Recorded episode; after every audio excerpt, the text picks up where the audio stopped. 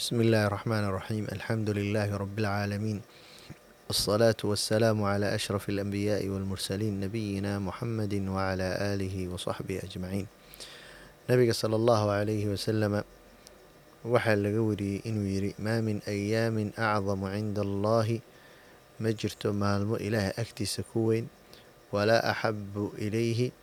Uusanna ka jeclayn alcamalu fiihina in howl la qabto min hadihi اlأyaami اlcashir maalmahan tobanka ah weeye walaalayaal maanta waa maalin axada weeye taariikhda hijiriyaduna ay tahay koodii dilxija kun afar boqol iyo afartan iyo labo. Soomaaliduna u taqaano bishan bishii carafo tobankan maalmood ee fadliga badan nabiga sala allahu calayhi wasalam wuxuu yidhi maalmo uu ilaahay subxaana wa tacaala uu ka jecel yahay in uu qofka howl uu qabto ma jirto marka ummaddiisana wuxuu kula teliyay nabiga sala allahu calayhi wasalam inay badiyaan tahliisha oo laa ilaaha ila allah ah takbiirta oo allahu akbar ah ataxmiida oo alxamdu lilaahi ah. Labadaas ayuu saddexdaas ayuu nabiga sala allahu calayhi wasalam kula teliyay ummaddiisu wuxuu yidhi fa akhiruu fiihinna badiya. Intaad badin kartaan. Laba arrimoodba marka nabiga calayhi asalaatu wassalaam hordhacayuu uga dhigay fadliga maalmahan. Wuxuu yidhi acdamu cinda allah ilaahay agtiisa waa ay ku weyn tahay maalmahan tobanka ah. Waa ay ku weyn tahay. Walaa axabu ilayh howl la qabtana ayada ugu jecliya. Marka dhowr waqafaad ayaan maaragtay ama dhowr isdul istaag ayaanu ka ayaanu ka tilmaamaynaa waa midda koowaade horta hore nebiga sala allahu calayhi wasalam ummaddiisa waa uu jeclaa. Si aan marnabo caadi ahayn waana u naxariisan jiray. Wax jaanisa haddii u arkana waa uu tilmaami jiray. Marka culimmadu waxay isweydiiyaan waa maxay sirta ku jirta uu nebigu sala allahu calayhi wasalam uu u yidhi? Badiya adkaarta. Badiya adkaarta sirta ku jirta waa maxay? Ma uusan oran jihaadka badiya ma uusan oran salaada badiya ma uusan oran qur'aanka badiya. Oo wuxuu yidhi calayhi asalaatu wassalaam waxaad badisaan adkaarta. Sirta ku jirtaay waa maxay? Marka culimmadu dabcan waxbay sharaxaysaa waxay isku dayayaan inay maaragtay wax uun ay ka tilmaamaan fadliga ay adkaartu leedahay. Marka waxaa la yidhi sababtu waxay noqon kartaa waa midda koowaade inuu nebigu sala allahu calayhi wasalam sababtu uu u yidhi badiya adkaarta wax kale ma ahan. Adkaartu waxay furo u tahay in uu qofku cibaadaadka kale oo dhan ay u fududaadaan. Waxaa la wariyaa in nebiga sala allahu calayhi wasalam uu nin uu u yimid oo uu ku yidhi yaa rasuula allah ina sharaacica alislaami qad kahurat calaya rasuulkii allow shareecadii islaamku waa igu badatay macnaheed waxaa igu batay kan ajarkan baa laga helaya kan ajarkan baa laga kan haddii la sameeyo waasaan kan hala sameeyo kan hala sameeyo. Fa akhbirnii bishayin atashabbathu bihi. Rasuulkii allah waxaad ii sheegtaa arrin aan maaragtay aan ku dhogo oon iska laalaadiyo. Waxaa kale oo dhan halaga kala daayo yani hal un hal arrin un keliya maaragtay ii sheeg aan xoogga aan saaro marka ninkaas saxaabiga dabcan ma uusan ula jeedin. Salaadaan rabaa inaan ka tago oo soonkaan rabaa inaan ka tago oo xaj baan rabaa inaan ka tago oo kan baan rabaa inaan ka tago. Wuxuu ula jeeda waxaad ii sheegtaa wax un haddaan xoogga saaro waxa kaloo dhan ay ii sahlanaanahayaan nabigu sala allahu calayhi wasalam wuxuu ku yidhi laa yazaalu lisaanuka ratban min dikri illaah carabkaaga yuusan ka suulin inuu ku qoyanaado dikriga alle. Waxaad isku daydaa in carabkaaga sida caliyada ay carabku ay maaragtay isugu baahan yihiin afkaaga suu caliyadu ugu baahan yahay oo kale. Dikriga ama aan looga weynin sida caliyada ama candhuufta aan looga weynin afkaaga oo kale sidaasoo kale yaan looga weynin dikriga alle afkaaga. Macnaheed waa maxay? Yacni weligaaba iska dikrigaas un wad wey afkaaguna ha nuuxnuuxsado ha dhaqaaqo. Macnaheedu waa maxay? Haddiiba taas aada la timaadid waxa weeye. Khayrka kale dhan waa kuu fududaanahaya culimmadu waxay dhahaan dadkii hore ee wanwanaagsanaa gadaal markii taariikhdoodii loogu laabtay waxaa la ogaaday in ay ka sinaayeen dikriga alleh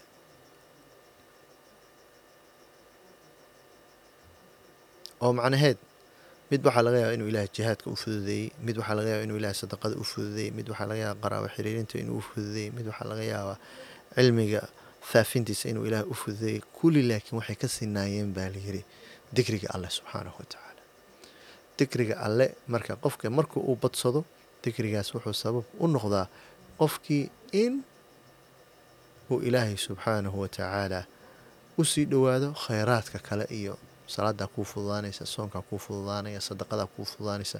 Marka sababtuu nabigu calayhi salaatu wasalaam uu u yiri dikriga maalmahan ha la badsado. Sirta ku jirtaay waxaa weeye haddii aad badsatid dikriga alle waxa kale oo dhan baa kuu fududaanaya waxaad arkaysaa adoo qabanaya wanuyasiruka lilyusra tan labaad waxay noqon kartaa baa layidhi waa dikri aada u fudud ama waa cibaado aada u fudud waa cibaado hee aada u fudud. Waa yeelka ciyaalka dumarka ragga caalimka jaahilka ka mashquulsan kaan mashquulsanayn kan xanuunsan kaan xanuunsanayn kaan maalqabeenka kaan xaan xoolaha lahayn kan weysada kaan weysada qabin. Dikr waa waa cibaado aan u baahnayn inaad maaragtay aada qiblada u jeesatid ama meel meel mucayana aada istaagtid ama waqti mucayana in ama waqti maarata kooban ama waqti gooniya inaad akhrisid ama si gooniya a maarata marka maadaama ay fududahay ayuu nebigu sal alla alayh wasalam wuxuu waxa kaloo dhan iska daayay cibaadadan fudud xoogga saara. Waxay kaloo noqon kartaa maadaama uu nebigu sala allahu calayhi wasalam uu yidhi ilaahay baa maaragtay wax la sameeyo maantuu kale ugu jecelyahay maalmahanoo kale ugu jecelyahay haddaad rabtid inaad wax samaysid soo maa arji haddaad rabtid inaad gudbisatid soo maa maantay ugu fiican tahay. Marka maxaad gudbisan kartaa? Suubanaha salawaatu rabbi wasalaamuhu caleyh waxaa laga wariyey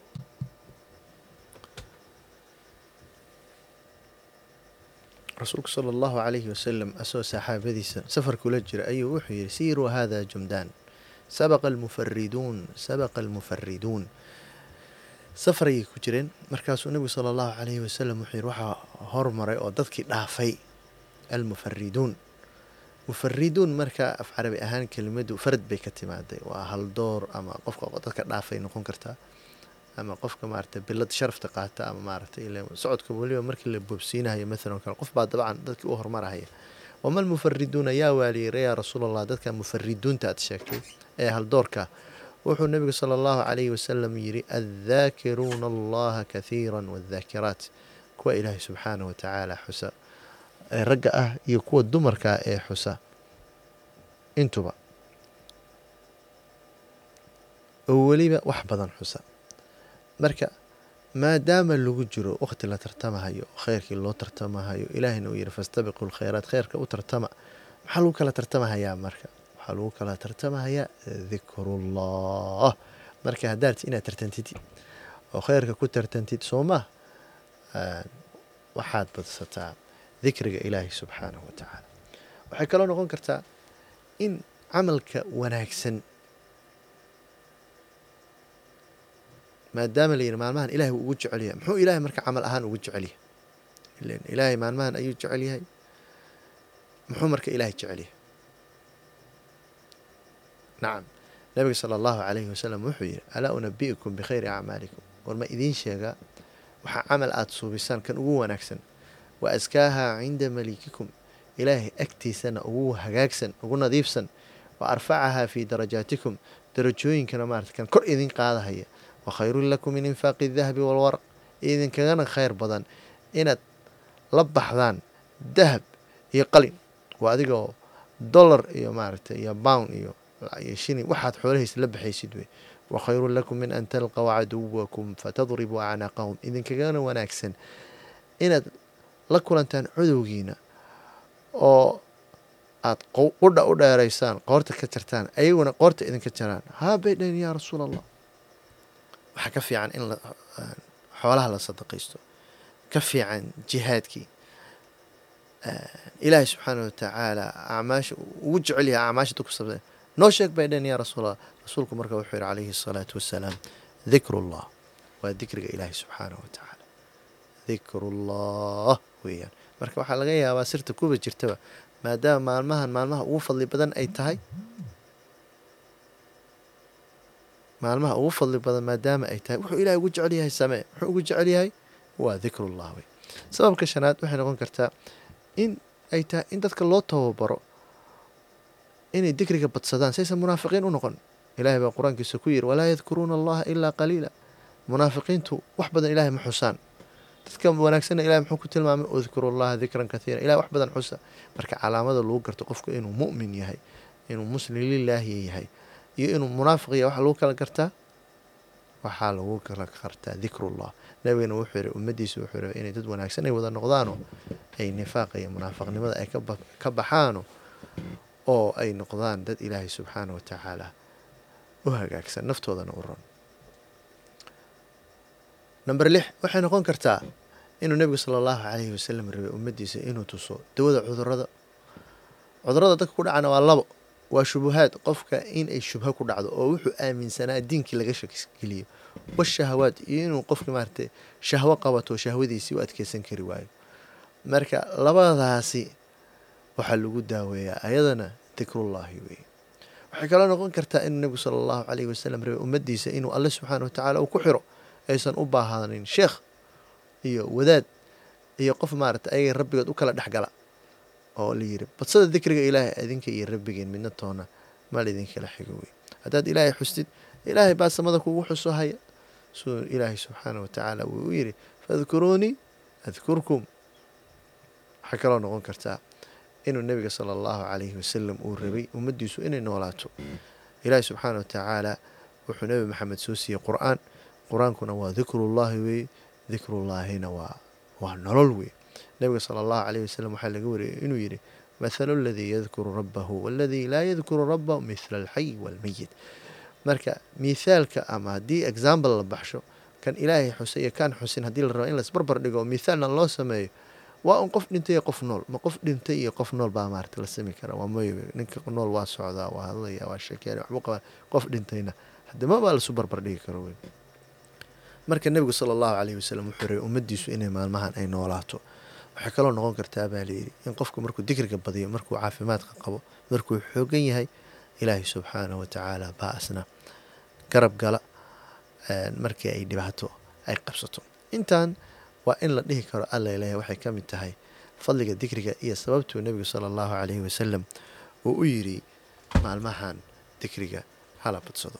Haddaba ma isweydiisay adkaarta nooca uu nebigu sala allahu calayhi wasalam ula jeeday. Marka waxay noqon kartaa adkaarta khaaska ah waxay kaloo noqon kartaa adkaarta caamka ah. Adkaarta khaaska maxaa ka mid a? Diinteenu waa dikri socto wey waa xus socdo wey. Subaxdii baad soo kacday ducadii baad akhrisay waad istaagtay musqushii markaa gelaysay ducaad akhrisay aad ka soo baxday ducaad akhrisay aada weysaysatay ducaad akhrisay salaadii oo dhan waa dikri wey waad ka baxday waa labisatay. Ducaad akhrisay gurigaad ka baxday. Ducaad akhrisay guriga haddana ku laabatay. Ducaad akhrisay baabuurkii baad kortay ama bushkuleetigii ducaad akhrisay. Masaajidka intaa u sii socotid ducaad akhrisay. Masaajidka markaa gashay ducaad akhrisay. Salaadda intaa ku jirtay waa ducadii wey dikrigii wey waad ka soo baxday waa dikri kale wey waxaas oo dikriya ayaa jira waa markii laga soo tago dikriga subaxdii la akhriyo dikriga galabkii la akhriyo dikriga maftuuxa ah.